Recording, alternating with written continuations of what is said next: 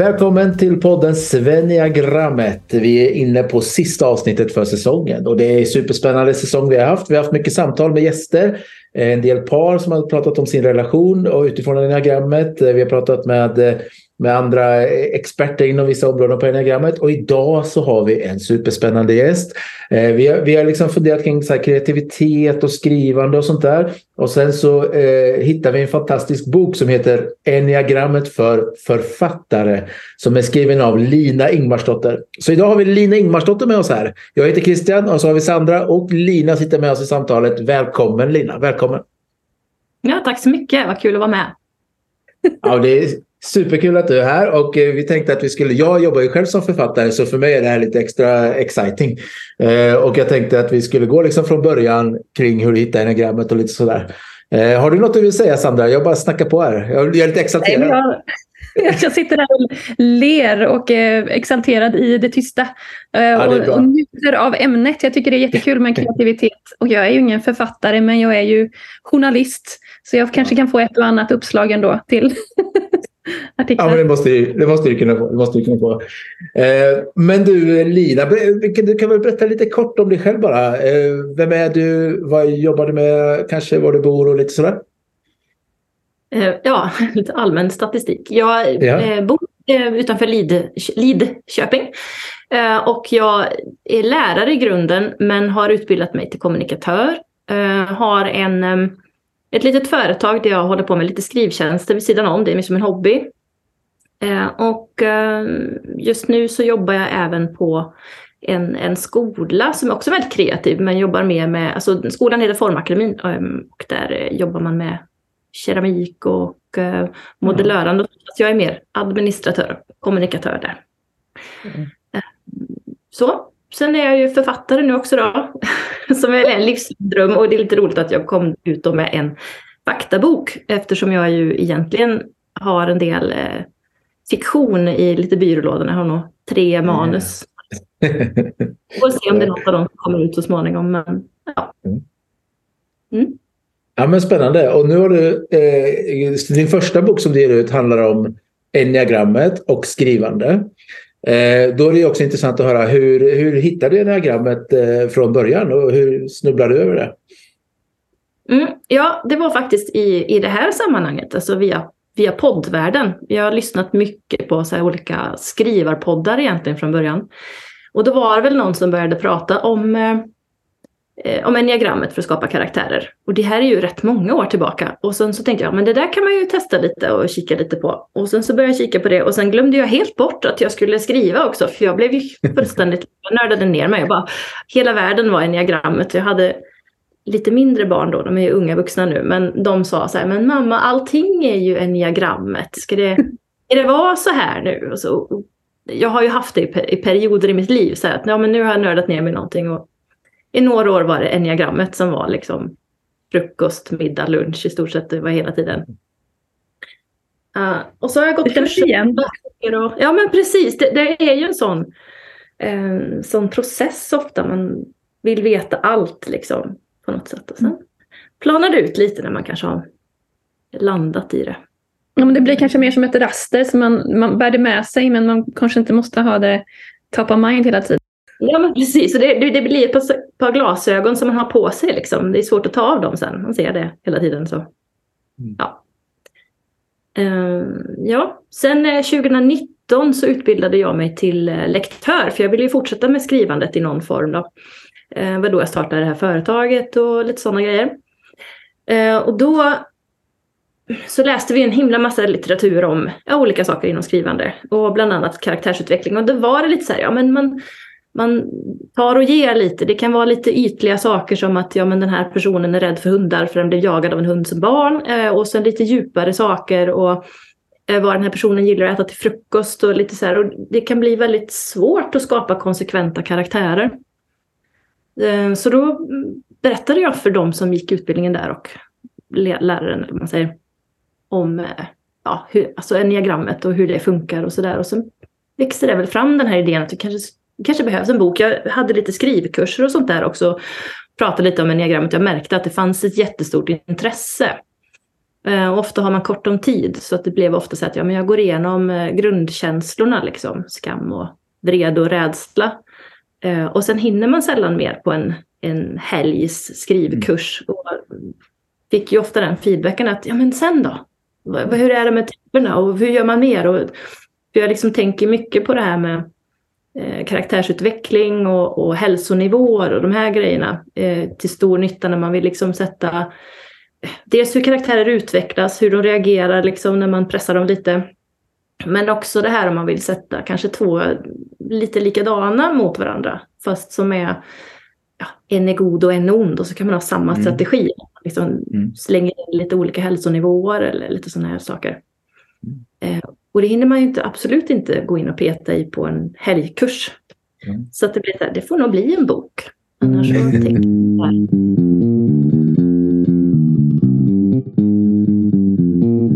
Ja, men precis. Och vi ska gräva djupt i det här strax, tänker jag. Verkligen intressant. Det är ju, karaktärsbyggande är ju en väldigt, väldigt viktig och avgörande del om man ska skriva eh, fikt, fiktion i alla fall. Så att eh, jag tänker att, ehm, att det här, just de här sakerna om eh, liksom en karaktärs mål, men också vad som driver den, vad som är rädslorna, eh, sånt där. Här ger ju liksom enneagrammet en, en manual nästan för, för att göra bra karaktärer. Och jag tänker att det är inte så många som vad ska man säga, har upptäckt det. Eh, men däremot när man upptäcker det så blir man lite så här exalterad och tänker ja, här, är, här är det ju. Här har jag en jättebra utgångspunkt för att beskriva och bygga mina karaktärer. Som är en av de viktigaste liksom, eh, eh, delarna i att skriva. Mm. Mm. Sen, sen upptäcker man ju saker som um, som hjälper på vägen. Som när jag väl hade liksom, precis i början så satt jag och skrev på något manus och lärde mig om enneagrammet och det insåg jag att jag hade problem med en huvudperson för jag visste hur den betedde sig på ytan men jag kunde liksom inte riktigt förklara varför för jag försökte förklara min huvudperson så att jag skulle förstå. Alltså om jag gjorde mm. så här skulle det bero på detta. Eh, och det blev så långt, det blev konstigt, det bara höll, höll inte ihop. Alltså nej men nej, så här så här, kan, så man kan inte leva så här, det blir jättekonstigt. Och sen när jag hittade diagram så insåg jag att ja, på ytan så kan nog den här personen vara lite lik mig. För jag insåg att den här huvudpersonen har nog strategi 9. Och det förklarar också varför den inte alls har samma drivkraft. Den gör inte saker av samma anledning som jag skulle mm. göra. Mm. Och då blir det mycket lättare att vara konsekvent. Att okej, okay, ja, okay, nu vill jag att den här personen ska göra så här. För det är enligt manus. Men min karaktär kommer antagligen inte vilja det, för det går emot liksom bara en, hur den funkar. Så hur skulle den personen göra istället? Så att man kan ju yeah. ha lite problemlösning också när man redan har en karaktär som bara inte funkar av någon anledning. Så kan man liksom kolla enneagrammet. Ja, den kanske inte är som jag. Jag kanske inte kan tro att alla karaktärer är som jag. Jag tycker det är intressant det här, liksom hur, hur skiljer det sig att använda enneagrammet i skrivande jämfört med för personlig utveckling?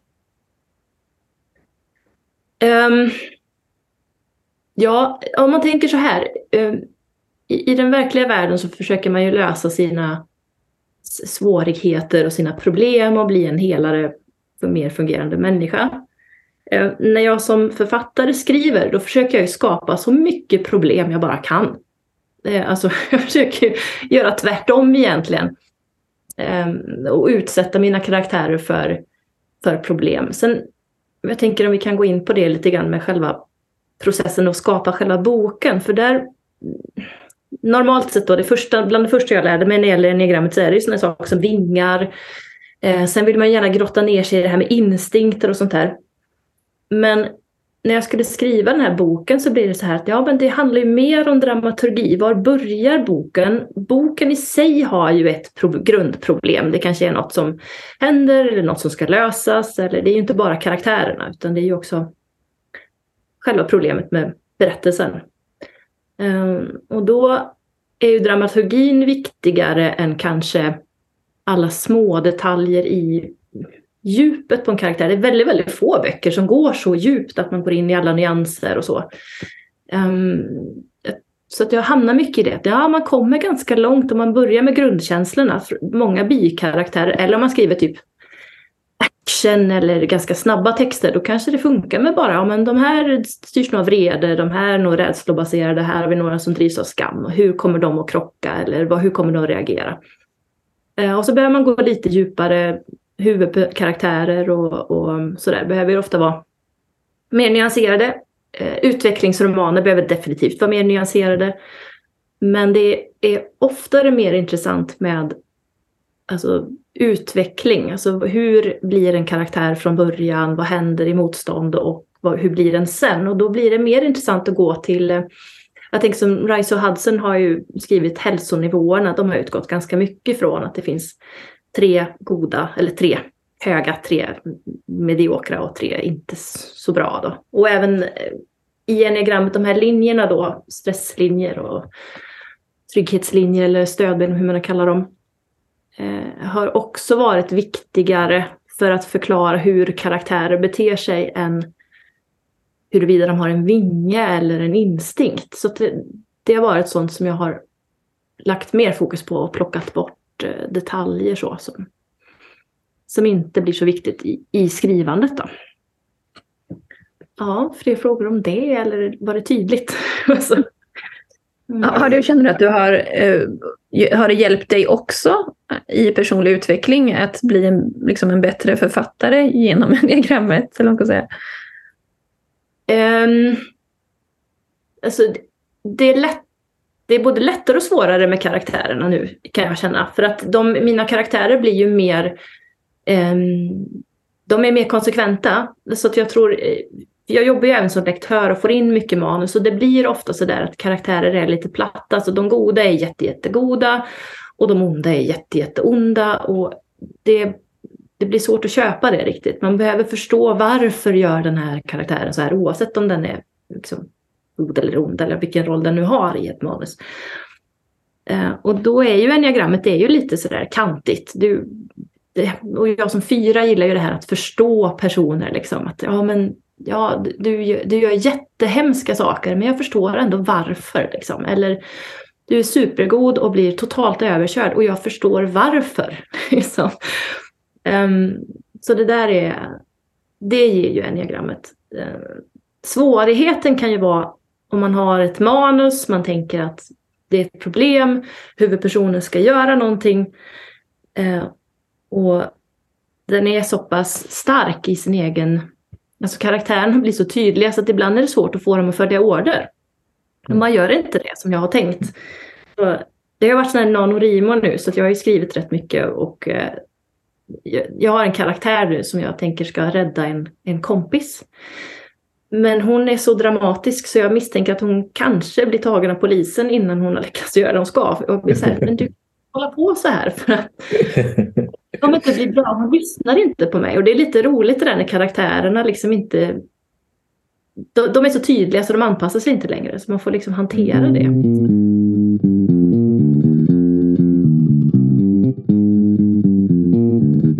Det här tycker jag är fascinerande för jag är ju som sagt journalist. Så jag har ju aldrig skrivit fiktivt mer än liksom i skolan vid någon uppsatsövning.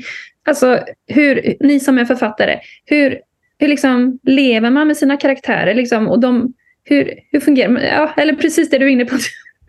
Styr ni dem? Styr de er? Vad händer? Har ni någon slags relation till dem?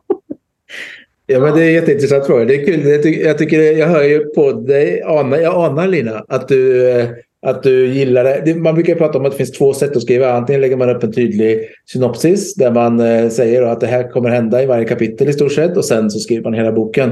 Eh, eller så som Stephen King brukar liksom, han, han är ju vad ska man säga, för, eh, förgrundsgestalten för det andra sättet att skriva som handlar mer om, som brukar kallas för pantser. Att man helt enkelt eh, sätter sig på sina pants och eh, skapar en spännande karaktär, sätter den i massor problem och sen försöker man liksom skriva ut karaktären ut ur det problemet. Och då blir det sådana där upptäckter som du pratar om. Jag vet du vad som håller på att hända i min bok? För man vet inte riktigt vad som kommer att hända. Eh, eh, det är så jag anar att du skriver. Stämmer det Lina? Och hur tänker du kring det? Ja, jag är lite mittemellan så. Jag brukar nog vara lite mer eh, planerad i mitt skrivande. Men nu under NaNoWriMo så har jag låtit mig testa mer det här eh, organiska som man brukar säga på svenska. Mm. Eh, liksom bara kollar vad som händer eller man utgår från någon fråga, vad händer om och sen så kör man på. Men, men sen har jag också haft det problemet med just karaktärerna. Att jag kan ha ett färdigt manus, jag kan se mig själv lite som regissör. Att ja men här är berättelsen, den ska jag berätta så här. Eh, och så befolkar man dem med karaktärer och så får jag lite problem med att mina karaktärer är lite obstinata. De följer inte manuset och de vill improvisera själva. Och jag bara nej, men nu är det så här att till nästa scen så kommer det här att hända. Och, och då kan inte du sätta dig i bilen och köra till en annan stad för då är du inte där det händer sen. Mm. Så det är lite intressant det där att det liksom, jag kan inte... Eh, ja, jag har en idé om historien, hur den ska gå och sen har mina karaktärer, trots att de bara existerar i min fantasi, eh, inte, de håller inte alltid med. Eh, vilket kan skapa en del stök. så. Ja, det blir ofta väldigt... Eh, det blir ganska, det, risken med ett sånt sätt att skriva det är att det blir ganska komplext i slutet. För man har satt sig i massa omöjliga situationer. Eller karaktärerna har sprungit iväg. Och sen plötsligt ska man försöka baka ihop det där. Och det kan vara en jätteutmaning i slutet av det. Ja men precis, man har en vision. Så här, ja men jag skulle vilja att vi slutar här någonstans. Det ska vara en sån här mm. scen. Mm. Hur ska jag få alla de här att gå åt det hållet? Man drar åt alla möjliga håll. Det är spännande. Mm. Jag tänker alltid i slutet när jag är där och jag känner att det här är helt omöjligt att få upp alla de här 15 trådarna. Då tänker jag alltid nästa bok ska jag skriva, då ska jag göra en tydlig synopsis och sen ska jag följa den. men det blir aldrig så. Mm. Skriver men, du istället är du mer eh, strukturerad så? Eller hur skriver Nej, jag, jag skriver ju mer eh, sådär eh, hitta ett spännande problem eh, som jag inte själv förstår hur det ska kunna lösas. Eh, och sen sätta in lite intressanta personer i det ehm, och försöka skriva mig ur det. Så. Mm. Men, men som sagt, jag, jag, tänker varje gång att jag borde, jag borde ha en tydlig... Och jag kanske vet ungefär vart vi är på väg. Jag vet ungefär slutpunkten någonstans. Men, eh, men vägen dit är ofta väldigt eh, eh spännande och rörig. Ja. Mm. Var hittar ni inspiration till era karaktärer? Jag har ju inte så jättebra fantasi brukar jag alltid säga. Um, jag skriver mycket utifrån verkligheten egentligen. Um, I grunden, alltså när jag skriver, jag skriver ju mycket eh, fiktion så, men, men mitt vardagliga skrivande, min grund är egentligen dagboksskrivandet. Och, och det här att man ser, eh, jag tycker inte det går en enda dag utan att det i omgivningen händer saker som är otroligt mycket mer intressant än något man skulle försöka hitta på. Alltså människor i den verkliga världen är ju mer komplexa och mer intressanta än, än vad man liksom fantiserar ihop.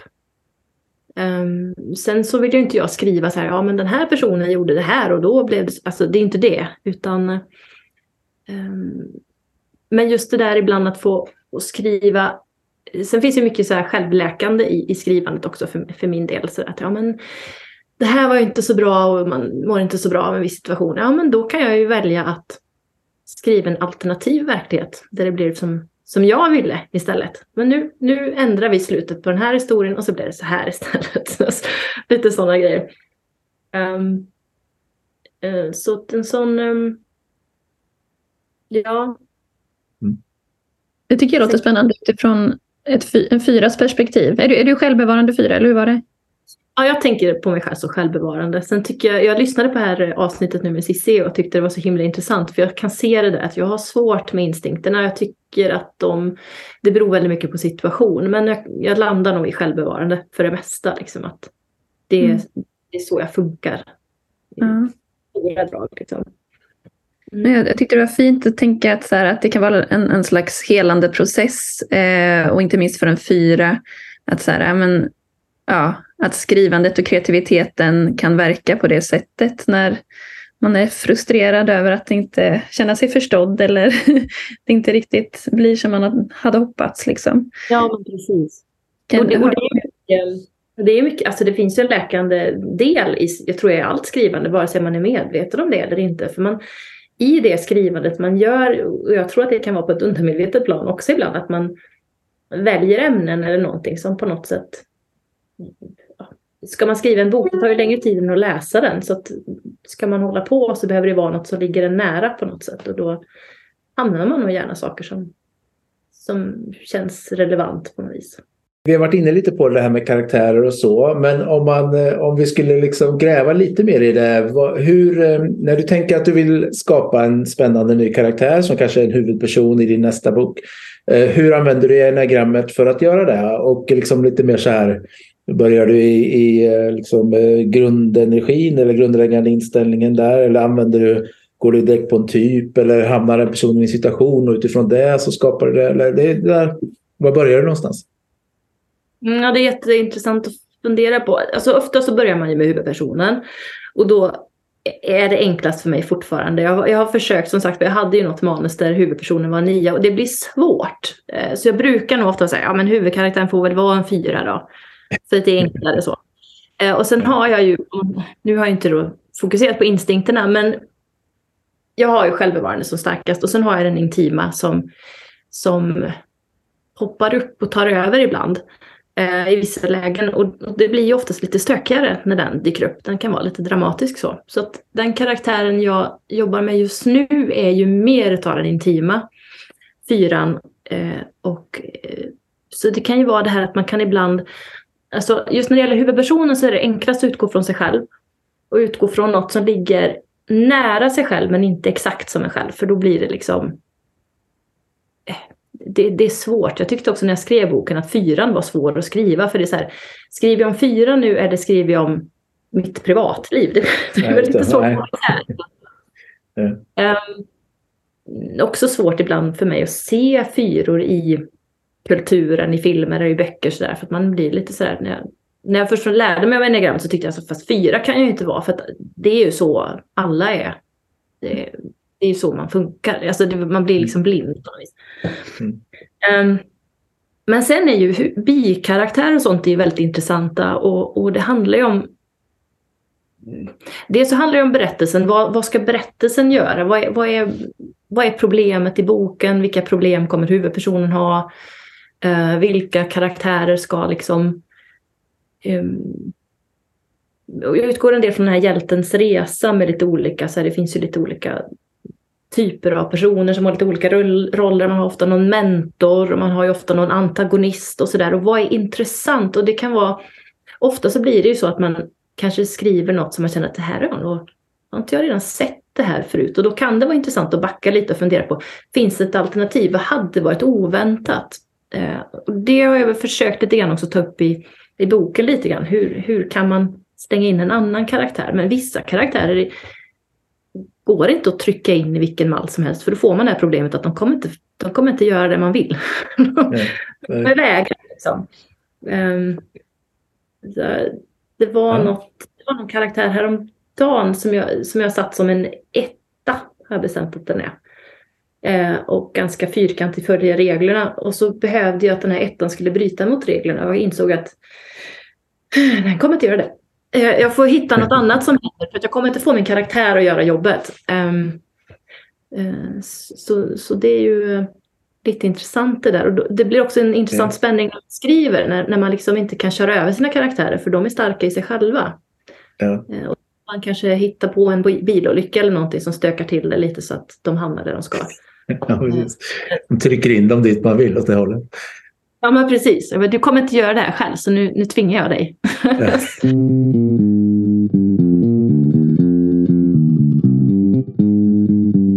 jag, jag tänker för alla de som lyssnar som kanske inte är fiktiva författare men som är kreativa på olika sätt.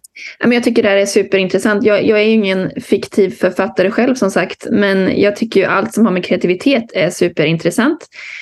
Um, och en bok som det känns som att jag har liksom två områden i livet som jag verkligen kan gå igång på. Och det är dels enneagrammet, så är det kreativitet i stort. Eh, och en bok som verkligen har hjälpt mig och berört mig och som jag liksom också som ett sånt här, jag tänker inte på det hela tiden, men jag bär det hela tiden med mig för det har blivit liksom något som är inkorporerat i mig. Och det är ju um, The Artist Way uh, med Julia Cameron. Eh, uh, om hur hennes... Eh, hon har ju som, om jag minns det rätt, är det två liksom, käpphästar i övningar eh, som eh, hon liksom rekommenderar alla att göra. Och det är dels eh, morning pages, det låter så töntigt på svenska, men morgonsidorna. Morgonsidorna är som ett koncept där man ska skriva för hand eh, tre sidor om dagen, eller egentligen helst direkt på morgonen. Jag brukar göra det på kvällen och jag, jag tror, jag funderar på om Julia Cameron är en fyra eller en etta för hon känns väldigt så här, du måste göra så här. det är väldigt strikt i boken. Eh, men jag brukar göra det på kvällen. Och att man bara skriver som ett flöde bara, eh, allt som kommer till en liksom. Och i den processen, om man gör det här över tid, så kommer man börja förändra saker i sitt liv eh, för att man kommer bli så trött på att höra sig själv upprepa saker gång på gång. Och man kommer också ja, loss på olika sätt och det hjälper att skriva till. Alltså man, man skriver ur sig sina kreativa blockeringar på ett sätt. Eh, och så är det eh, artist dates, konstnärsträffar. Eh, att man liksom gör saker som eh, ja, man får ny input och man får se nya kulturella... Eh, liksom, man kanske går på en utställning, en konsert eller läser en bok eller går ut i naturen. Någonting varje vecka som eh, får en att få ny inspiration på något sätt. Ehm, jag, jag, bara gissar utifrån att ni är de ni är, att ni sitter och ler och nickar, att ni redan har läst de här böckerna. Eh, vad, vad, har ni att säga och har ni några andra kreativitetstips? Ja, alltså kreativitet är ju så stort. Det är ju väldigt olika om man um, jobbar med skrivande eller något annat. Men, men något jag ofta privat har märkt och som jag också ofta ser när jag försöker hjälpa folk som egenskap av lektör och skrivcoach och lite sånt där. Um, och där jag också har nytta av diagrammet faktiskt, det här att fyran är på ett sätt om man har ett ben eller ett, ett, ett linje till ettan där. Att att man måste veta i vilken fas av skrivprocessen man är. Att är man i den kreativa fasen då ska man inte stanna och redigera för då blir man aldrig klar. Man måste liksom ta sig igenom. Och det här säger ju alla som håller på med skrivande. Bara skriv färdigt. Det kommer vara extremt dåligt och kast. Första, men, men det är åtminstone någonting att jobba med. Och det är så otroligt lätt att man börjar säga men jag, jag vill bara hitta exakt det här ordet eller det, det är något jag, jag behöver researcha här lite mer för jag vet inte riktigt hur det ser ut om man skriver om en riktig plats eller hur någonting funkar rent praktiskt om man slänger in en polis. Ja, men hur gör poliser egentligen? Bara, kanske ta det sen. Bara skriv klart så att du har någonting och stanna i den kreativa processen. Eh, bry dig inte om liksom, praktiska, logiska eh, redigeringsbitar. Eh, för då, då är det svårt att bli färdig. Eh, och det är lätt att bli överkritisk. Eh, och, det tycker jag ser väldigt, väldigt ofta. Liksom, att man Många som, särskilt när det gäller skrivcoachande så får jag många som kontaktar mig och bara, ah, men kan du ge mig lite respons på hur jag ska redigera det här? Fast, nej, fast nu är du på kapitel fyra. Du, du behöver skriva klart först för annars så knäcker du dig. Liksom. Du kommer inte orka det, det, har inte riktigt med så här, var man hittar sin inspiration och så att göra, men just det där att skriva tar lite tid och, och att man låter det, att man litar på den processen. Liksom. Mm. Jag känner att du nickar också Christian. Så. Ja, nej, men verkligen. Och just det där för att eh, det här liksom exaktheten som man kanske är ute efter eller så, den dödar ju kreativiteten väldigt ofta. Så när man väl, när man väl tittar på, på det, vad man än gör, om man eh, ja, liksom, jag vet inte vad det kan vara, om man målar eller skapar på, någon, på något annat sätt också, så tänker jag det att det första, är ju, första skedet är ju bara att komma igång och göra det. Liksom. Um, och det är det absolut tråkigaste just med skrivandet. Tråkigaste är liksom, eh, rådet är ju att det bara att börja skriva. Sluta prata om att du vill skriva och sluta tänka på vad du ska skriva utan egentligen bara börja skriva. Så har du någonting där att jobba med. Liksom. Jag tänker att kreativitet funkar så och, och den här Artist Way idén om att man ska börja med att skriva, bara skriva ner sina tankar, bara lufta sina tankar för sig själv och skriva för hand. Men också att man ska få en input i livet på olika sätt. Eh, och det tänker jag ger mycket, att man bara matar sig med saker som inspirerar, som, som kanske irriterar eller som gör en upprörd eller som, gör en, som, som väcker någonting i, i en. Eh, och att det sen då kan få utlopp i, i skapande på något sätt, i kreativitet på något sätt. Så jag, så jag tycker att det ligger mycket i, den där, i det sättet att tänka. Men, men framförallt bara att, att liksom puttra igång, att komma igång, göra, göra det man har tänkt att man skulle vilja göra någon gång. Göra det idag och sen så får man se vart det tar vägen. Man kanske kan koppla in enneagrammet på det också och så här, leka lite med olika sidor av sig själv. Eller så här, ja, idag går jag in i min åtta och bara köttar på. Eller så här, jag, och idag är jag liksom plikttrogen och självdisciplinerad som en etta. Så jag bara jag sätter mig på rumpan och gör det. Och, och sen och så kopplar jag på min fyra och bara fantiserar fritt. Eller jag vet inte. Man kanske så här, ja, kan leka lite med det där. Ja, och för mig personligen så har ju enagrammet, det har jag sagt innan, men det har ju liksom just det här att man eh, olika människor är olika bra på det här, men jag har nog inte varit så bra på att liksom tänka mig in i att jaha, din värld ser helt annorlunda ut för att du drivs av en helt annan kraft och en helt annan energi och en helt annan eh, grunddrivkraft. Jag, jag har nog tänkt att klart människor är olika men de flesta är nog ändå hyfsat lika mig. Men jag upptäcker nu att de inte är det. och att bara den upptäckten gör ju att man ser världen med lite nya enneagramglasögon. Och där upptäcker man ju massa kreativitet, kreativitetsspår också. Eh, som är, jaha, ja men du menar alltså att du, du, du tänker att världen ser ut så och att du handlar på det sättet som är helt rimligt för dig men jag har inte alls tänkt att en människa kan fungera så. Och bara att man ser människor med de ögonen gör ju att man, man får massor uppslag på spännande och världen blir liksom större på något sätt. Mm.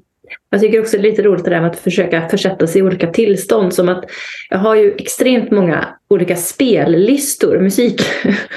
Som är så här, ja det här är den stämningen. Och, det, och man liksom experimenterar med det när man ska skriva. Att, ja, men just den här scenen ja, då är det hetsigt och bråttom. Ja, men då har man hetsig och bråttom musik liksom, som håller på att störa så att man får lite fart. Eller nu, nu är det lite sorgligt och vemodigt och, och det har hänt det här och det här. Ja, men då har man en spellista för det. Liksom. Och fyra är ju bra på att överidentifiera mig med känslor och ibland kan det vara lite grann ett problem. Att nu så ska jag skriva den här scenen och det är fest och alla är jätteglada och jag är, som går runt och är allmänt så här miserabel.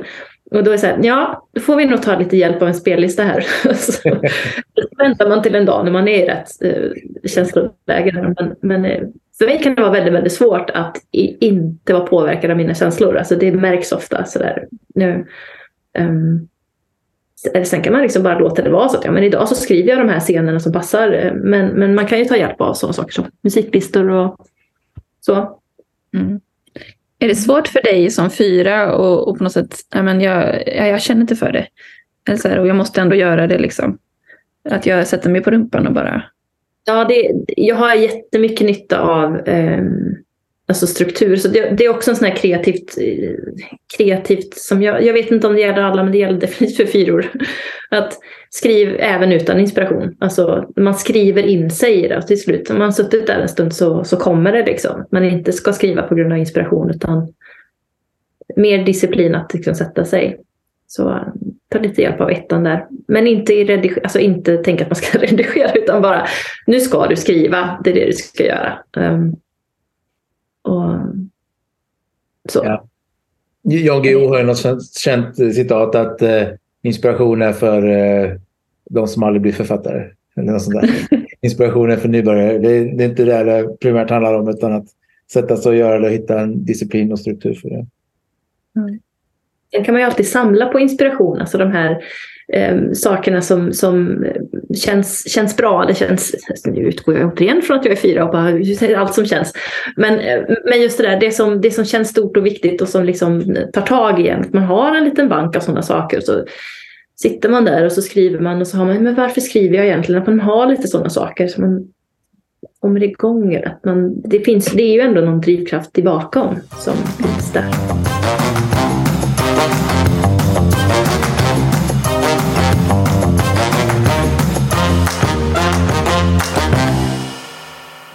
Men jag är lite nyfiken på att köra, kika lite. Vi pratar om saker som du har skrivit om i boken, Lina. Du har tre stycken delar i boken. Den första delen är lite mer de här känslorna som du har pratat om i början av podden här. De tre mm. grundläggande känslorna. Andra delen handlar om de här nio olika personlighetstyperna. Då.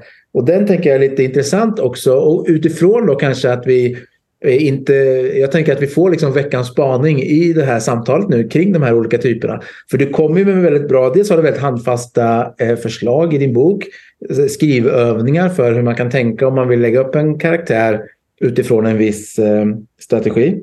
Men, men också har du då bra exempel på fiktiva personer. Så jag tänker det skulle kunna vara lite intressant att beta igenom några av dem. Mm, absolut. Eh, ska vi börja med att kika på etta? Eh, ja, det är lite olika vart man börjar, men eh, ska vi börja med ettan idag? Ja. Vi tar det från början. Ja. Berätta lite, hur, hur, hur, kan man tänka på att skapa en karaktär för ettan och vad har du för bra förslag på en fiktiv kar karaktär? Ja, alltså ettan är ju... Det finns ju några som är väldigt tacksamma. De finns ju både som hjältar och som skurkar. Och ettan är ju en sån. De är ju så fokus på rätt och fel. Uh, lite fyrkantiga, inte så lätt att styra men ibland är det det man behöver. Um, och de finns ju även som humoristiska karaktärer och seriösa karaktärer. Så jag tycker ettan är ganska spännande så att de... Um, om vi tänker en, en uh, god etta så kan ju Hermione i Harry Potter vara en sån. Mm. Som liksom vill att alla ska bli lite bättre. Jag tänker på den här scenen när hon ska säga till um, vad heter han nu, Ron Weasley, att han har en smuts på näsan. Hon vill ju liksom att han... Det, hon skulle vilja att någon sa det till honom, eller till sig själv. Mm. Men han tycker väl mer att det är jobbigt att hon ska påpeka saker. Och, ja, lite så. Men hon vill ju väl på något sätt att alla ska bli lite bättre.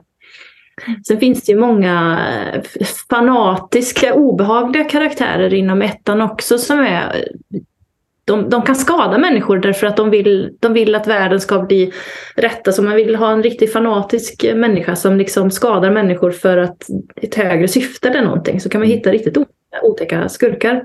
Mm. Uh, um, jag tänker lite på, på prästen i Alexander, vad heter det, Fanny Alexander. Uh, han är ju lite så. Han, han, man förstår varför han gör det men det blir inte så bra. så. Um, en humoristisk karaktär är ju uh, i um, Fawlty Towers, vad heter det på svenska? Ja, Pang i bygget ja, precis. Pang i bygget heter den ja. Basil, han, han är ju väldigt rolig. Han, är ju, han försöker ju kontrollera sin ilska och gör det extremt um, Skäller ut folk hela tiden för att de gör fel uh, och det är inte bra och allt sånt där. Så att ettan är ju spännande och intressant på det sättet. Ja, han Basil Fawlty, han vill ju liksom förbättra och han vill ju utveckla, han vill ju gå vidare. Men han gör det liksom på... på eh, ja, han, gör det på ett eh, annorlunda sätt kan man säga. Eller ett, ett ganska, han har svårt att vara vänlig och artig. Ja men precis. Han, han kämpa, man, man kan ju riktigt se det här hur ettan kan kämpa med sin vrede. Ja. Så jag tror att för många, för många ettor, eh, kompisar som jag har som är ettor har sagt att de gillar att titta på det. För att han uttrycker på utsidan det de kämpar med dagligen på insidan. Den här ständiga kampen. Försök att inte låta det pysa ut. Och han misslyckas hela tiden. Så det är väl liksom deras scenario någonstans. Jag har haft många ettor som har sagt att de, det, det är liksom lite skräckblandad förtjusning att följa honom på något vis. Mm. Ja, men roligt, eh, roligt förslag. Eller roligt, Jag är sugen på att gå vidare. Vill du ställa någon fråga Sanna? Jag vill höra om det finns det någon särskild liksom, utmaning kring att skriva om ettan? För att nyansera det. Eh, alltså ja, ettan är ju användbar på många sätt. Alltså den funkar ju i många roller. Jag tycker den finns ju brett. Det som är svårt är just det här att den kan ju vara svår. Alltså om man har ett manus där man ska bryta mot regler och sånt där och där huvudkaraktären ska göra det så kanske inte det går att tvinga den att göra det. alltså lite så. Ehm, men den, den är ganska, jag vet inte, den den funkar ju i alla genrer eller så. Jag har svårt att se att den inte finns eh, eh, både manliga och kvinnliga och goda och onda. Och, eh, ja, de finns ju lite här och var. Så. Tvåan eh, eh, finns, är ju ofta lite överdriven tycker jag i kulturen. Den är, den är liksom antingen är det någon sån här eh, intim tvåa som förför en kvinnlig sådär som är sån här, ja lite överdriven eh, manliga tvåor kan ofta vara lite, också lite, man, man skämtar bort det lite. Så, så seriösa tvåor eller tvåor som är ska man säga att eh, tydliga huvudpersoner, de, är de funkar ju ofta bättre som bikaraktärer. Eh, ju Gamgee i mm, Sagan om ringen till exempel. I en... I can't carry it for you. But I can carry you! Come on! Kan man tycka en tvåa. Eh, han stöttar ju Frodo och är extremt lojal och finns där hela tiden. Han är ju inte huvudperson och det skulle vara intressant att säga. Vad skulle hända i ett sånt äventyr om han hade varit huvudpersonen? Liksom? Mm. Eh, vad hade hänt då? Eh, så det är ju, men det är också mer genrebaserat skulle jag säga. Tvåor är vanligare att se i eh, relationsberättelser. Eh, det funkar de ju naturligtvis väldigt naturligt. Eller det är enklare för dem på något vis. Um, och sen är ju uh, Sen finns det liksom den här manipulativa, inte så hälsosamma tvåan. Um, som då den här eh, uh, Misery på engelska, Lida heter den på svenska om man har läst Stephen King-boken eller sett filmen. Hon är så sjukt manipulativ. Det är ju, nu är den jättegammal så jag kan säga lite kort. Det är en författare som, jag vet inte om han har en bilolycka, eller han hamnar i alla fall hemma hos sitt största fan då som är eh, den här Ann Wilkes och hon är, gör ju allt för att hålla honom kvar. Det kommer en fruktansvärd scen där hon slår av honom fotknölarna för att göra honom sängliggande så att han inte ska kunna gå därifrån. Hon vill hjälpa honom liksom, på ett fruktansvärt obehagligt sätt. Eh, och, och, det finns ju de här dragen hos tvåan också med Eh, och jag har ju lite så citat, vad kan du höra en, en tvåa säga? Eh, då, då, är det liksom så här, allt vad jag har gjort för dig och lite så här eh, manipulation på ett obehagligt sätt. Liksom. Eh, sen är det ju lite så fokus också, det, det sa jag inte på ettan, men det är, det är också intressant när man skriver hur, hur kommunicerar olika typer? Och det är ju tvåan tänker jag en sån här om man, hur man skriver in att ja, men kroppsspråk, att tvåan gärna är nära, gärna så här kroppskontakt, ger gärna en kram eller kindpussar. Och, nära, väldigt öppen och väldigt så här, varm person. Liksom. Um, så att man kan ju ganska lätt med hjälp av enneagrammet också få olika känslor. En etta kanske är lite mer rak och har lite mer distans och en tvåa är mer, uh, ja, hur går en person in i ett rum liksom? Hur, hur möter den karaktärerna som är där? Så, så lite sådana saker tänker jag.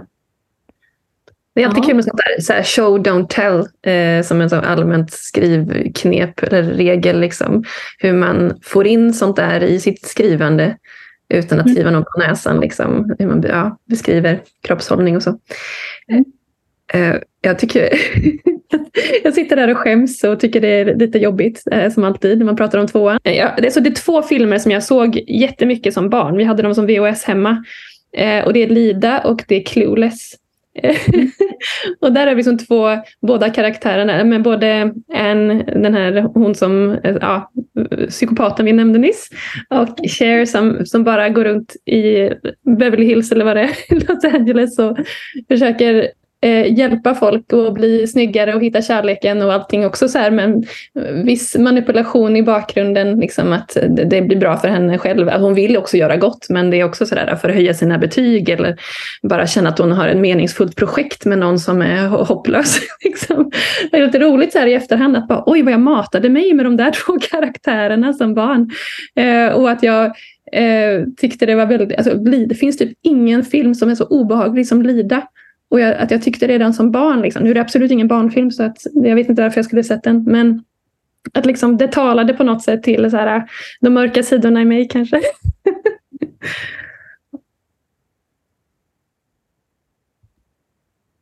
Eh, ja. men jag tycker det är jättefina, också i din bok Lina, jag tycker det är jättefina, mm, alltså dels har du ju massa bra exempel på kända fiktiva eh, karaktärer och då tänker man sig in i dem när man läser det här och tänker tvåan till exempel här och då, då, har du ett, bra, ett gäng exempel på, på sådana och då har jag ju nämnt några här. Liksom. Jag tycker det är ett bra sätt att lära sig också.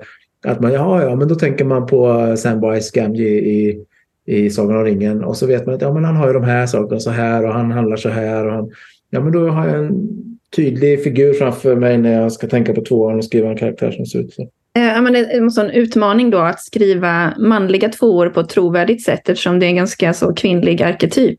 Eh, och för några veckor sedan så tipsade vi här på veckans spaning om Ted Lasso som eh, en, en bra eh, kvin eh, kvinnlig, nej, en bra manlig tvåa. Eh, och jag måste ju här i Eftersom det här är årets sista eh, avsnitt så måste jag också berätta om en annan man som jag har eh, bearbetat under hösten här, eh, nämligen Ove i Solsidan. Eh, ni som lyssnade på avsnittet lite tidigare höstas, ni, ni hörde att jag duckade för frågan om vilken strategi Ove kunde ha när vi gjorde en spaning här. Och eh, helt ärligt så visste jag inte då, jag hade inte jag tänkte inte på att han var en tvåa, men nu har jag jobbat med det här, det interna jobbet och kollat mer på Solsidan och speciellt i säsongsavslutningen så tyckte jag att det var väldigt tydligt att han var tvåa och så jag får svälja den stoltheten och eh, reclaima Ove som, eh, ja, som en tvåa och som en del av mig kanske. Eller att jag också sidor av det. Kanske därför han triggar mig så mycket. Ja, exakt. Det är därför det är så känsligt varje gång jag börjar prata om honom. Ja. Ska vi kika på trean? Ja, eh, vad ska man säga om trean? Eh, den är ju mycket mi mindre nyanserad skulle jag säga. Eh, färre roller. Det är ju ofta så här, ja men det är ofta tävling, det är ofta prestation, det är ofta action, det är ofta den typen av genre så hittar man ju treor. Eller så är de ju någon form av skurk. De är ju lättare att hitta som skurkar egentligen, tycker jag, än vad de är som, som hjältar.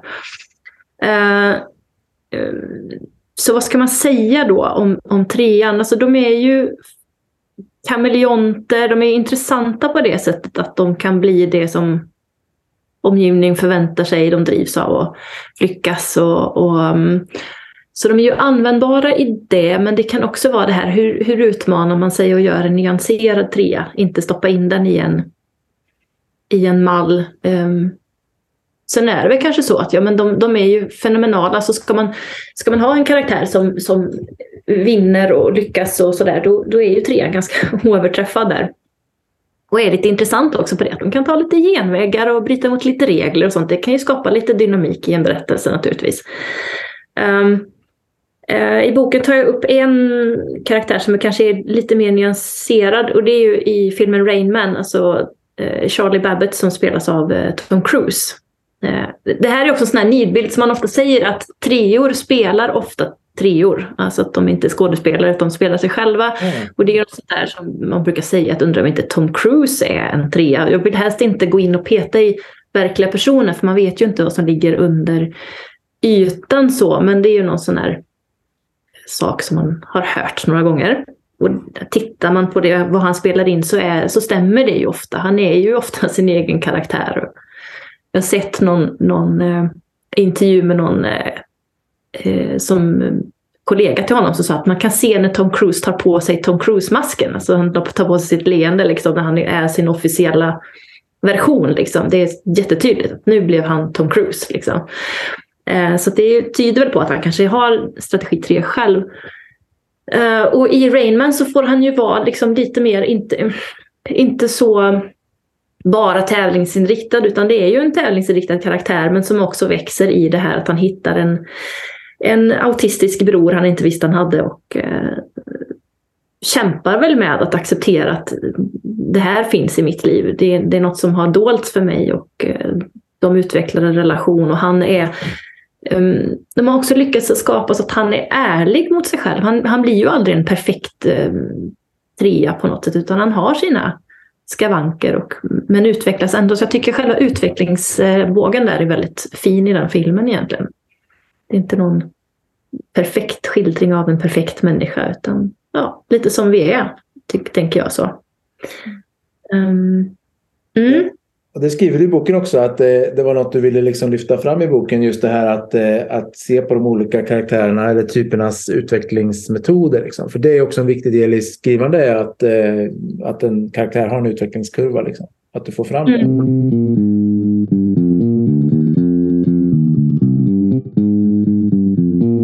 Men jag tänker att det här med utveckling också är väldigt svårt. För det är också sånt där som man stöter på ofta som lektör. Att man har en karaktär som är tydlig åtta och sen helt plötsligt så blir den jättemysig och mjuk och sådär. Och man bara, men vänta lite nu. Den kan inte byta personlighet. Den kan utvecklas men den kommer alltid vara sig själv någonstans. Um, um, så det, det är lite så. Man har hjälp av enneagrammet också. Vad, och just den filmen tycker jag är väldigt tydlig på det. Att ja, men man ser att den här personen utvecklas men han är fortfarande sig själv. Liksom. Just det. Vad är rimlig utveckling? Liksom? Mm. Precis, så man, så man köper det. Så man inte bara sitter där, men vänta lite nu, nu är det här en annan karaktär? så, ja. Man, ja. Jag tyckte det var en rolig grej apropå det som du säger här om Tom Cruise som trea. Eh, du skriver i boken så här. Eh, tre skådespelare brukar ofta välja att spela roller som påminner om hur de själv vill bli uppfattade. Eh, så att det är liksom att det är de här, eh, en trea vill ju, eh, många treor så här, när de upptäcker att de är treor, blir rätt så glada ofta. Men det är klart att det är, det är jättebra att vara framgångsrik och lyckad. Liksom. Så här, varför skulle man inte vilja vara det? Eh, och att det är också det som då tre, tre skådespelare själva väljer att eh, ja, de, de, har, de kan ju ha som masker i verkligheten men en skådespelare som är trea, det blir ju ytterligare en mask. Ja, men jag tänker så här, ja, men använda då sitt jobb för att stärka den bilden man vill ha av sig själv. På något sätt. Mm. Fyran. Ja. Eh, den, den har ju varit svårast för mig att skriva eftersom jag är fyra själv. så, så är så här, åh, eh, ja, eh, är de bara som ior och sitter och tycker synd om sig själv? Eller, eh, ja, det har varit, jag tyckte det var det är jättesvårt egentligen. Ehm, nidbilden för fyran är ju någon som är känslosam och som tittar mycket inåt och som har lite fokus på sina fel och brister. Kanske en känsla av um, utanförskap, ofta konstnärssjäl på något sätt. Och där finns det ju väldigt mycket nidbilder inom kulturen. Jag tänker så här, ja men konstnärer med så här basker och um, liten mustasch som är liksom lite så här hoprullad på något vis. Eller ja, lite sådär. Um, men uh, fyran, eh, så jag har lite svårt att hitta fyran också i, i um, litteratur och film. För jag ser ju liksom inte jag är lite i min blinda fläck också lite grann. Men den är ju ofta kopplad till sin egen berättelse. Som jag, om vi tar eh, Ann på Grönkulla till exempel. Så är ju Ann på Grönkulla, hon som karaktär är väl antagligen en fyra. Men sen är ju hela berättelsen är en fyra. Det handlar om en föräldralös flicka som letar efter sitt sammanhang där hon får vara den hon är och vara accepterad och höra till. Alltså hela den här eh, dragkampen som fyran kämpar med. Att vilja vara sin egen individuella, inte anpassade alls person och samtidigt höra till en, ett sammanhang och vara välkommen där. Um, och, och, det finns, jag tror det finns ganska många sådana berättelser. Liksom det här att hitta sitt hem, att hitta sin plats, att höra till, att vara välkommen. Eller liksom så. Det, det är ju liksom lite teman som ligger nära fyran. Så. Men det är intressant och, utmaningen här är väl att inte göra den här karikatyren av den här liksom lidande mm. Utan att hitta nyanserna och, och att eh, väva in det i ett djupare personligt. Mm, mm. Kanske placera fyran i en situation där den får vara mer aktiv också. För fyran kan ju vara en, en ganska passiv karaktär. En, en, någon som är i sitt hjärta och i sitt huvud och i sina känslor. Och inte gör så mycket alltid. Men, men vad händer om man utmanar fyran att sätta den i en situation där den behöver agera? Eh, vad gör den då?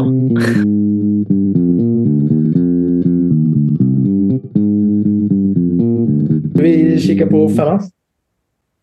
Och det här är lite roligt för femman är också en sån här eh, eh karaktär som, som eh, kan vara lite nidbild. Alltså den här galna vetenskapsmannen, supernörden, den som eh, grottar ner sig i små detaljer och Sen är de ju rätt mycket annat också. Um, och jag vet ju det att när man gjorde då den amerikanska versionen av Män som hatar kvinnor så fick ju hon som spelar Lisbeth Salander instruktionen att läsa på om femmans strategi. Och jag tycker det är lite intressant för ja, hon är hacker, hon är bra på datorer och så, men hon är ju rätt mycket annat också.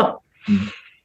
Så, att, så det är ju intressant då att man har använt den, eh, den strategin. Sen så ser jag ju att många använder den här linjen mellan femman och åttan. Så det finns ju mycket sådana diskussioner. att Är det här en femma eller en åtta? Den finns ju kring den här karaktären Batman till exempel. Som jag tänker väl är en åtta för att han har så mycket fokus på hämnd.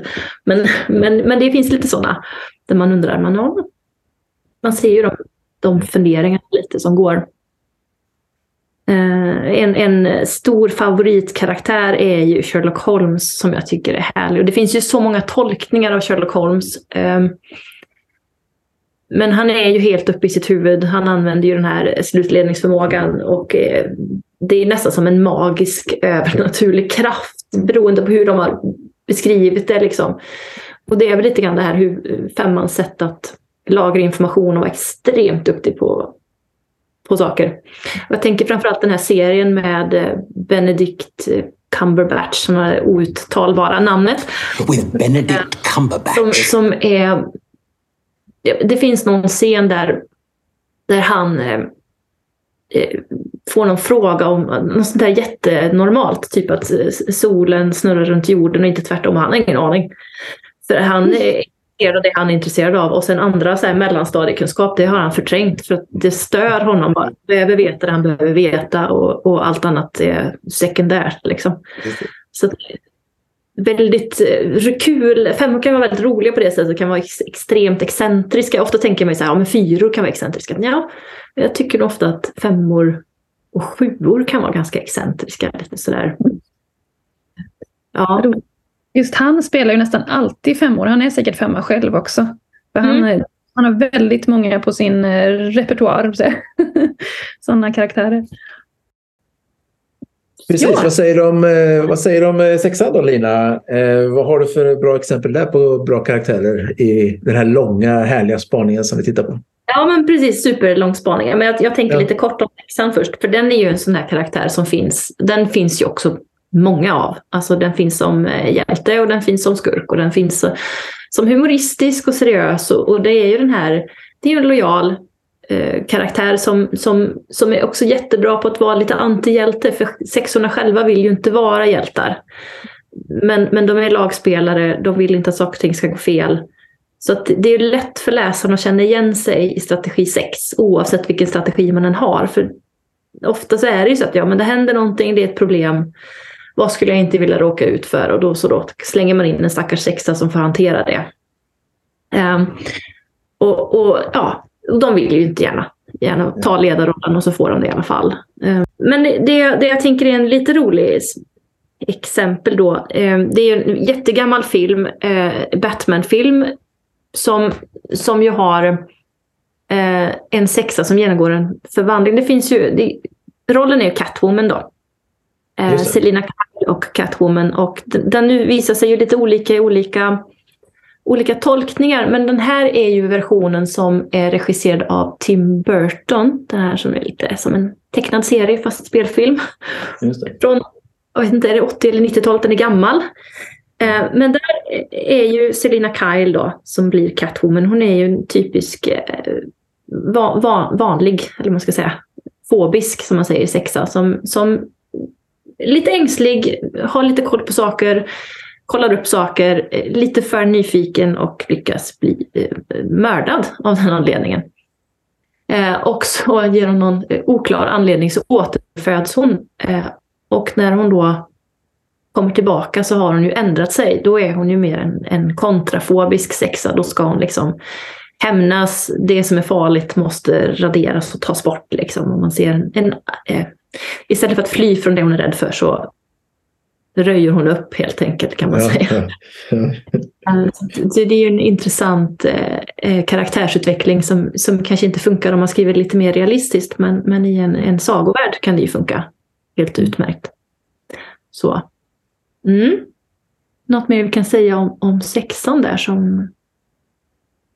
Ja, det finns många sexor tycker jag i, i fiktiva världar annars. Mm. Ja, men det, det är intressant eh, grepp där som Burton gör, just att, att egentligen den här kontra, man vänder helt på, fast det är samma, samma personlighetstyp då, fast man vänder helt på den. Eh, mm. Det tycker jag är en intressant utveckling.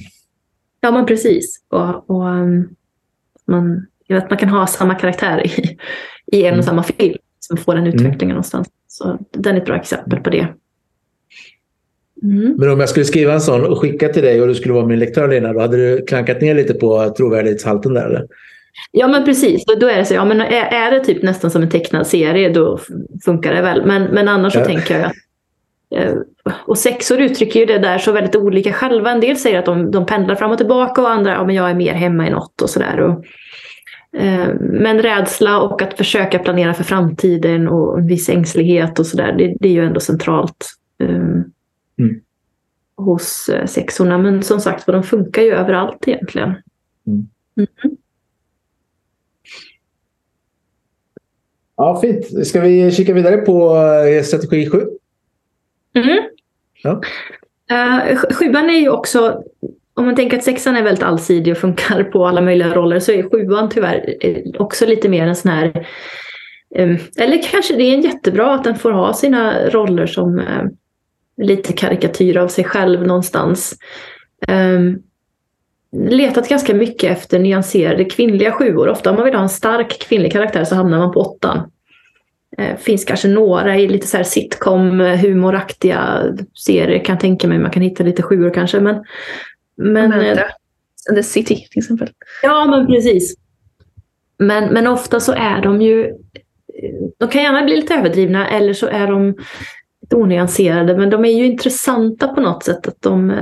Um, um, jag tror jag tar upp det i boken ofta. Så, så är jag inte helt säker på om Mary och Pippin i, i Sagan om ringen är sjuor. What's that? This, my friend, is a pint. It comes in pints. Oh. Lite så. Men, men, ofta dyker de upp som två. Som tvillingarna Weasley till exempel kan man tänka är sjuor i Harry Potter. Och de är två. Det är ungefär som att vi dubblar det här extra allt. Eh, vi kör vi lite. Ja, men vi prossar lite. Vi har inte en, vi har två. Och jag tycker det är lite roligt sådär att ja, men vi vill ha lite extra allt och då kör vi det. Mm. Och just det där, vi vill ha något, något humorinslag, vi vill ha någonting som ökar energin i rummet, vi vill ha något som Eh, alltså jag tänker funktionen som bröderna Weasley har i Harry Potter är ju också lite grann de, de, de, alltså Harry Potter är en ganska mörk historia. Det är mycket tyngd och mörker och, och otäckt och sådär. Och sen kommer bröderna Weasley in och så bara nu kan man andas en liten stund och det händer lite saker. Och, och det, ju, det, finns så många aspekter av, av Harry Potter. Det, är ju, eh, har ju väldigt mycket eh, alla möjliga känslor och situationer och så. Men, men de har ju den funktionen lite grann. Och de kan ju också vara sådana som klantar och ställer till det. Eh, då tänker jag lite mer på eh, Sagan om ringen där Mary Pippin som kanske ja, de gör så att det händer någonting. Hade de inte mm. klantat så, så hade vissa saker inte hänt och då hade mm. historien gått bättre, smidigare. Men det hade också blivit lite mindre intressant och, och mindre spännande. Så de kan ju vara såna här kattilas, katt, vad säger man? Kattylas... Kattylas ja. vi, vi kommer inte kunna säga det. Nej. Man sätter igång saker, det händer grejer. Och, och just det som jag sa i början, att man vill ju skapa problem för sin huvudkaraktär. Och ibland kanske man eh, har en karaktär som är väldigt ordningsam och då kanske man får slänga in någon som stökar till det lite. Mm. Men de är ju också de som skapar fest, de skapar positivitet, de inspirerar. Eh, sen har ju sjuan själv det här att de har svårt att se sitt eget mörker. Så jag har ju stängt med den här karikatyren Jokern som ju finns en film om som jag har mm. satt och är Jokern en fyra eller är han en sjua? Men hela sensmoralen går ju ut på att han har, han har ju levt ett fruktansvärt liv och har massvis med trauman i bagaget och han väljer att inte se dem och då går han in i en alternativ verklighet där han eh, lever i totalt självbedrägeri och eh, blir en ganska farlig person. Mm. Um, så jag tyckte den filmen var väldigt intressant just det här med um, vad händer om man inte tar tag i, det mörka eller ignorerar det. Så, så den är ju en liten annan version av sjua som man sällan ser. Då, mm. Tycker jag. Ofta så ser man ju det här skapa energi eller göra så att det händer någonting i berättelsen. Då slänger man in sjuor. Eh, det gör Jokern också, men på ett mörkare sätt. Kan ja, man säga. Precis. Mm. Nej, men det är intressant med de här att man sätter dem i tvillingpar. Det har inte jag tänkt på innan. Men det är också att då har man ju en naturlig Eh, med partner i det här och får igång det här mm. på en gång. Man behöver inte övertala någon att hänga på utan det, är bara, det blir en liksom comic relief eller något, eh, något nytt som mm. händer. Ehm, och sen just i Sagan om ringen så har ju de också några väldiga nyckelfunktioner senare. Där de då, ifall inte de hade funnits med där och gått med eh, och då hade det inte löst sig på det sätt som det gör helt enkelt. Mm. Lite, du sa starka åttor är ofta, eller om man ska ha en stark eh, kvinna eh, karaktär så blir det ofta en åtta. Eh, mm. Berätta lite om åttorna och vilka åttor du har gett som förslag på. Ja men åttorna är ju, de är ganska vanliga som skurkar. De är stora, de är starka, de är svåra att köra över. Vill man skapa ett motstånd till sin huvudperson så kan ju en åtta vara ett bra motstånd helt enkelt. Mm. Så de är tacksamma i den rollen. De kan ju också vara tacksamma som, som hjältar och hjältinnor av samma anledning. Um, och när man då vill visa en stark kvinnlig karaktär så kan det ju gärna vara en åtta. Och där är det ju, jag tänker både Astrid, Astrid Lindgren har ju både Ronja Rövardotter och Pippi Långstrump som är så här starka, starka liksom. Mm. Eh, det finns ju liknande karaktärer som dyker upp eh, lite här och var. Um, svåra fick, är ju... Ja. Jag fick frågan nyligen från en av våra lyssnare om vad jag tror att Astrid Lindgren själv är för någonting. Mm. Och jag funderar på om det inte är åtta. Jag tänkte också så här, Kajsa Kavat och Lotta på Bråkmakargatan, känns inte de också lite åttiga? Mm. Absolut. Och, och um, det, det, finns ju nyanser i det där också. Hur, jag tror jag har sett någon intervju med Astrid Lindgren att hon vill ju liksom att eh, barnen ska få någon upprättelse och känna sig stark i sig själva och ofta så är ju vuxenvärlden kanske inte helt pålitlig och stabil. Så det, det är något åttigt i det på något vis. Jag har ju stuckit ut hakan lite grann och angett Harry Potter som en åtta och, och det är ju många som säger att han är nia men det, det, är ju också lite grann det här med nyans. Att jag känner en del eh, sociala åttor som inte upplevs som jag ibland säger innan jag visste att de var åttor så tänkte jag, är du en nia? Ja, nej kanske inte. Och, och då är det mer det här att ja, fast niorna undviker ju lite grann konflikt och, och åttor är mer så här, ja men nu är det så här, tjoff. Men de sociala åttorna eh, gör det på ett smidigare sätt kan man säga. Mm. Mm. Jag tänker att Harry Potter är ju dessutom eh, en del av sitt sammanhang. Alltså man skulle sätta in honom i en annan berättelse så undrar jag om man skulle uppleva honom som ganska bufflig. För han är ju en, en pojke som utsatts för attack hela tiden. Eh, han är ju, eh, det är hans fosterfamilj som hela tiden attackerar och bryter ner honom. Det är mobbare på skolan som bryter ner honom och det är Voldemort som jagar och bryter ner. Och han backar ju aldrig någonsin.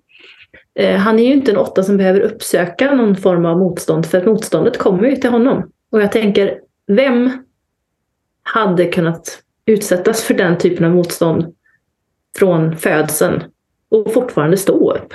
Jag, jag har svårt att tänka någon annan riktigt. Så, så där känner jag att ja, kan, kan vara en åtta. Som inte jagar motstånd liksom, utan eh, han står där och det kommer till honom. Liksom. Mm. Kör. Ja, nu tar vi en rond till. Eh, det får bli så. så men, men jag tycker också att det är lite roligt med, med enneagrammet just det här att man Det finns liksom ingenting rätt eller fel utan huvudsaken är ju, och det är också lite så att jag har försökt skriva boken eh, med syfte att hoppas att den som läser tar till sig det utifrån sin egna eh, kreativa, liksom, ja, hur tolkar jag det här och eh, kikar själv liksom. Och, och, bara man har en egen plan så kommer man använda det på sitt sätt. Liksom. Mm. Ja, spännande. Det var verkligen sticka ut hakan. Harry Potter som åtta. Men jag tänkte eh, också spontant, eh, kontrafobisk sexa kanske inte heller är helt otänkbart. Mm, mm. Du skulle kunna applicera ja. både nian och åttan. Precis. Eh, det finns många sådana.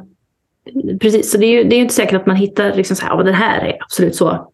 Mm. Det är samma sak med, med Batman tänker jag. Den är också sån här, jag tänker att han måste ju vara en åtta. Men så finns det en del som säger att han är en femma. Och jag tänker, hur, hur tänker man då? Mm. men, men, jag tänker att han är ju väldigt så här hämnd. Hela hans drivkraft är ju någonstans eh, mordet på hans föräldrar och eh, kampen för att eh, ja, någon slags upprättelse eller mm. ska inte hända igen eller jag vet inte. Mm.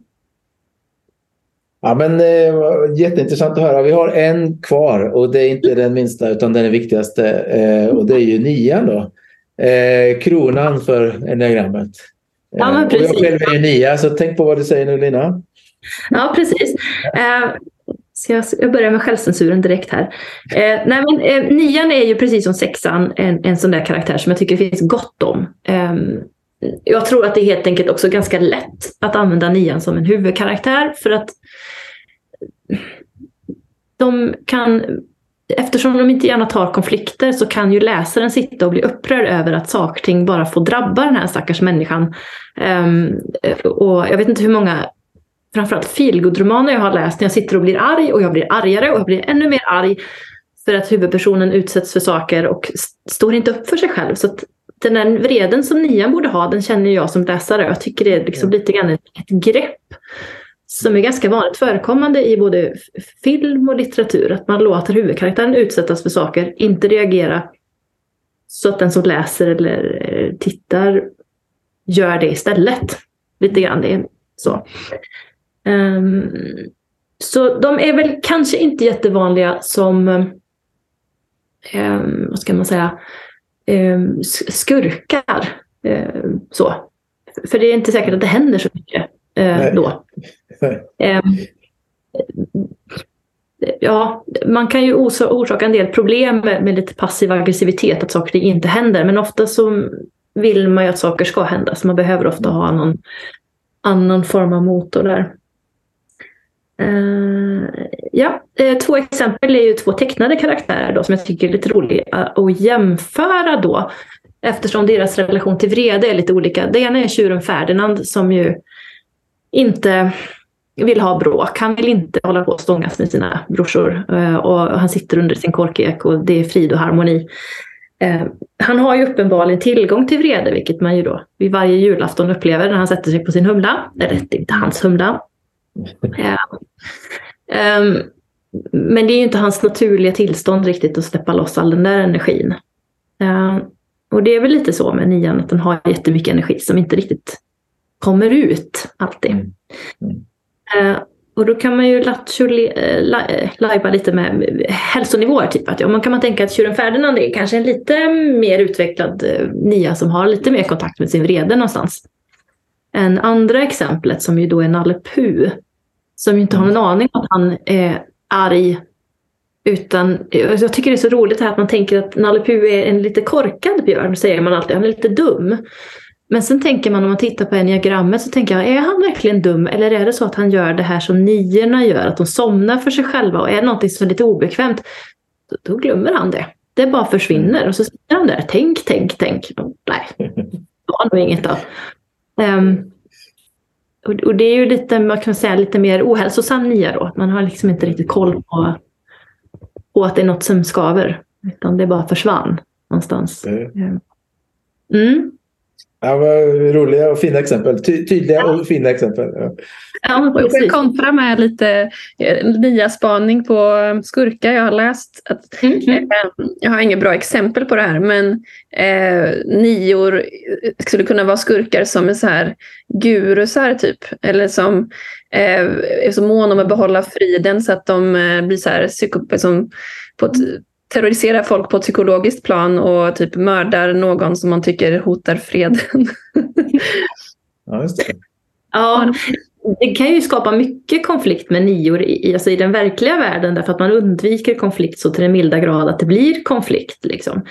Men det, det är svårt um, det är svårt att få, det beror på vad det är för typ av berättelse. Liksom. Mm.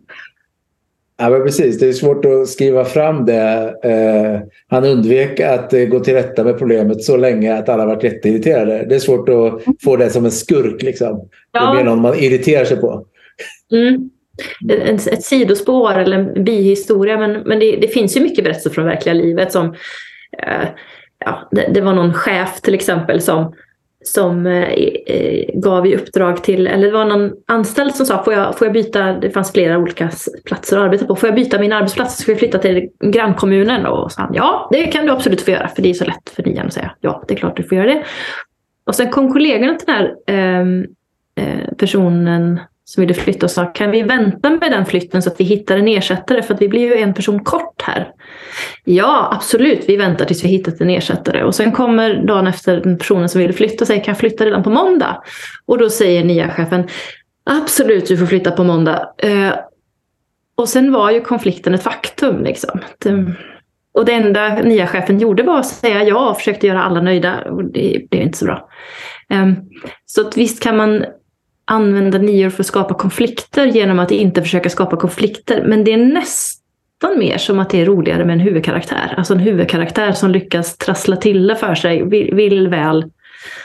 Och så blir det en del att städa och reda ut. Liksom, som man inte hade velat ha egentligen. Mm. Så det är mer tror jag att man ser det i, i eh, feel good eller sitcoms och sånt. Någon som försöker och försöker och blir bara värre och värre i slutändan. Um. Mm.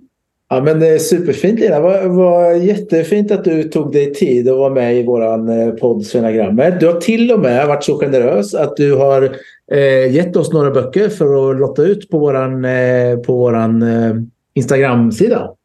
Mm. Eh, superfint. Så den heter då Enneagrammet för författare.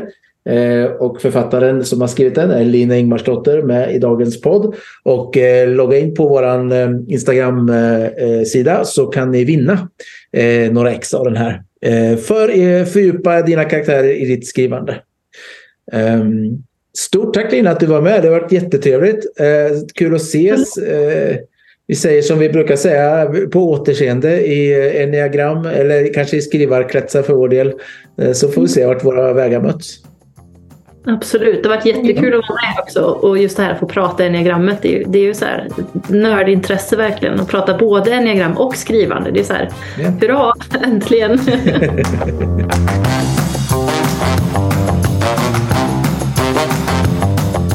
Stort tack att ni har lyssnat på den här säsongen av Svenagrammet. Eh, Vi återkommer i någon form framöver och håll er uppdaterade via vår Instagram. Tack och hej! Tack och hej!